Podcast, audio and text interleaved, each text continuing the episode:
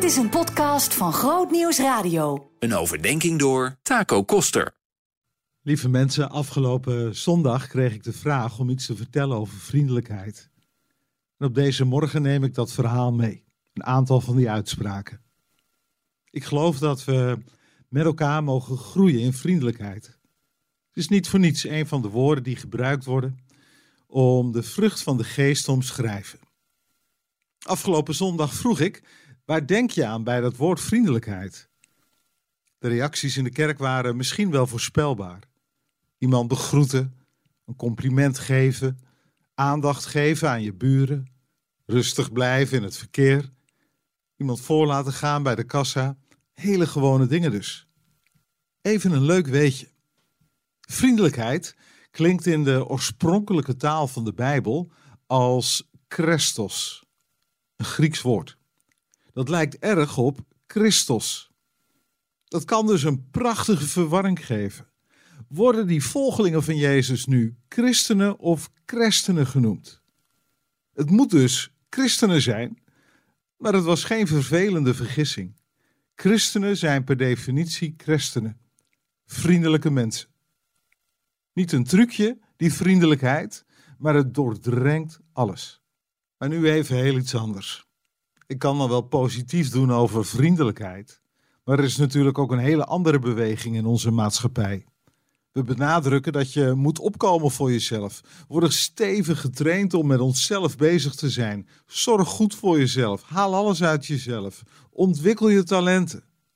En voor je het weet, schuurt dat met een begrip als vriendelijkheid.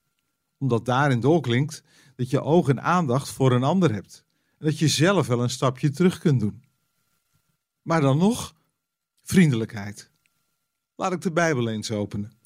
En dan lees ik graag in het Bijbelboek Spreuken. Vriendelijkheid wordt er met regelmaat genoemd.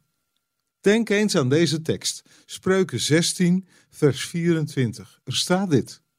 Een vriendelijke uitspraak is een korf vol honing, zoet voor de ziel en gezond voor het lichaam. Nog een keer. Een vriendelijke uitspraak is een korf vol honing, zoet voor de ziel en gezond voor het lichaam.